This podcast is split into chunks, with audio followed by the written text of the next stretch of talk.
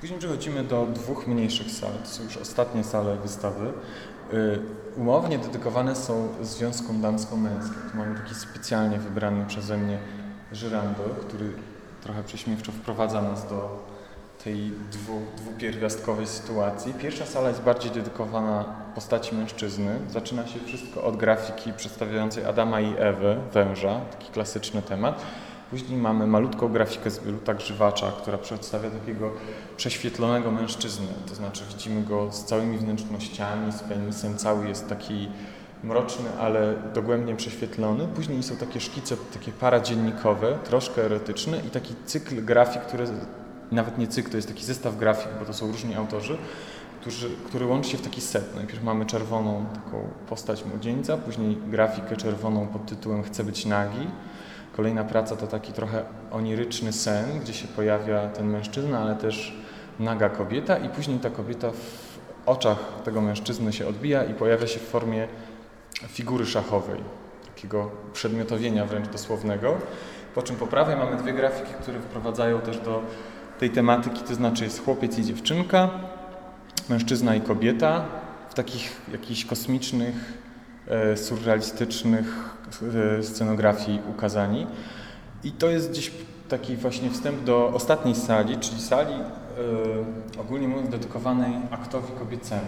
Tutaj prace są bardzo różne artystów, jest ich dosyć dużo, kilkadziesiąt, powieszone dosyć gęsto, intensywnie, oprawione w takie same skrawo-zielone paspartu.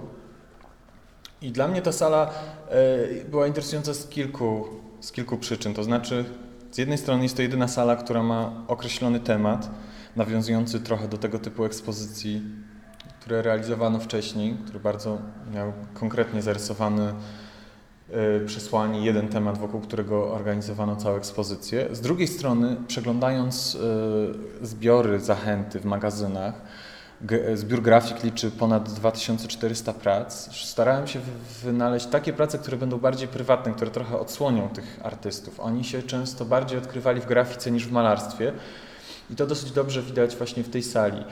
E, właściwie na wszystkich pracach widać nagą kobietę. Ona za każdym razem troszeczkę inaczej jest pokazywana. Radzę się przyjrzeć dokładnie wszystkim pracom. Natomiast co dla mnie było interesujące, to tytuły tych prac. Te tytuły, które często kamuflują znaczenia lub zupełnie przesuwają akcenty. Tak jakby artyści się wstydzili y, zrobić akt wprost. Często te tytuły to jest y, Rośliny chroniony, Szansa, Podróż y, Joanny Z, czy na przykład Źródło, Daje, daje Ci życie. Bardzo y, mięciutki struś, czy na przykład e, taki naj, chyba najbardziej absurdalny tytuł to Straszne skutki pacjenci.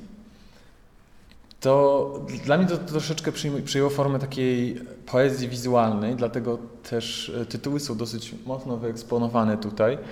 Interesujące było też to, że często ci artyści, których pracę widzimy tutaj, zupełnie innego typu dzieła tworzyli później lub na pracach malarskich, natomiast tutaj są powyciągane takie pojedyncze rzeczy, które popełnili w przeszłości i zestawione razem.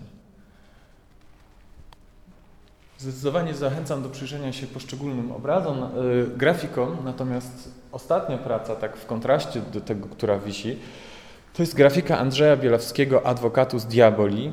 To jest taki właśnie ten mężczyzna z rozpiętymi spodniami, wrzucony na jakiś śmietnik, z którego zerkają różne dziwne, absurdalne oczy.